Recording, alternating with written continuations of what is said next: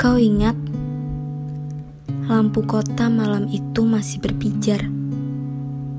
Kau duduk di depanku. Wajahmu tampak murung, tak seperti biasanya. Kau menceritakan hal-hal yang membuatmu resah malam itu. Sedang aku berusaha menenangkanmu. Tak lama kau tersenyum lebih lama dari biasanya.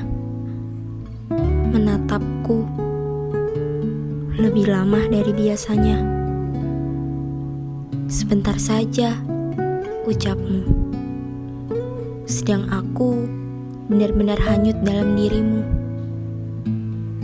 Ya, sepertinya aku menemukan ada yang salah pada diriku.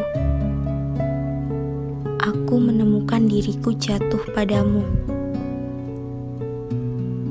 Kau tahu, aku mati-matian menyembunyikan perasaanku darimu, juga dari orang-orang yang lain. Aku mati-matian menghilangkan perasaanku. Menurutku, ini tak benar. Iya, tak benar jika aku suka dengan sahabatku sendiri. Ah, aku juga tak tahu bagaimana ini bisa terjadi. Aku juga tak ingin suka dengan sahabatku sendiri. Tapi aku tak bisa mengatur perasaan dan mengendalikan perasaan. Kata orang, beberapa rasa memang tak harus diungkapkan. Sama seperti posisi kita yang mencintai sahabat kita sendiri. Mungkin rasa itu akan tersimpan tanpa ada orang yang tahu sama seperti rasaku saat ini. Kau pernah berkata padaku, "Mengapa kau seperti tak peduli padaku?" Ucapmu dengan nada sedikit kesal. Aku hanya terdiam dan juga ikut kesal padamu. Saat itu, aku memang sedang bersikeras tak peduli padamu.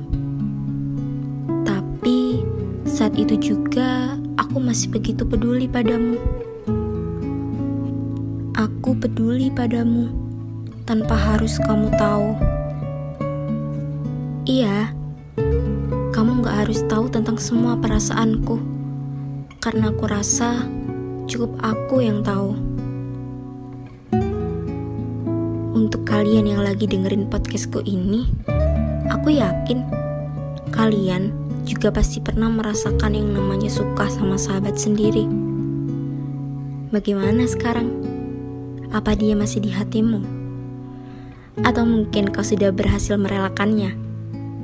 Apa pun jawabanmu, semoga masih menjalin hubungan yang baik. Sebagai apa pun itu,